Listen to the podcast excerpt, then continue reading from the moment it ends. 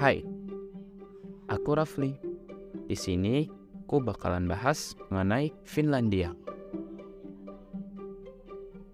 Ngomongin tentang negara Finlandia, tentunya kita tidak bisa lepas dari bayang-bayang betapa bagusnya sistem pendidikan di sana. Tidak heran, negara Finlandia masuk ke dalam salah satu negara dengan pendidikan terbaik di dunia. Tapi kalian tahu nggak sih, di samping sistem pendidikannya yang bagus, Finlandia juga terkenal dengan satu budayanya yang menarik. Sisu namanya. Lalu, apa sih sisu itu? Sisu merupakan kombinasi dari istilah bahasa Inggris, yakni determinasi, ketangguhan pada tujuan, ketabahan, keberanian, resiliensi, dan kemototan.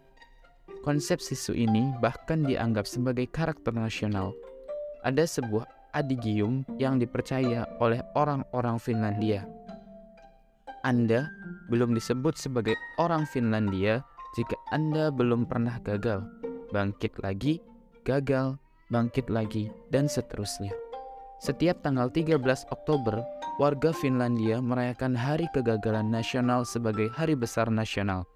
Bagi orang-orang Finlandia, kegagalan merupakan sebuah peristiwa yang patut untuk dirayakan.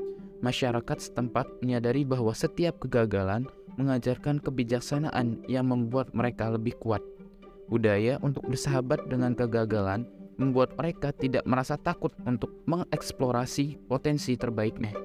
Dengan menciptakan Hari Kegagalan Nasional, hakikatnya Finlandia telah menciptakan mekanisme resiliensi bukan hanya pada level individual, tetapi juga dalam tatanan kebangsaan.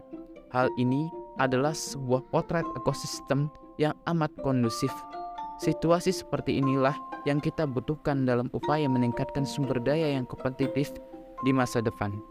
Selama ini, kita cenderung terjebak dalam lingkungan yang tidak mentolerir kegagalan.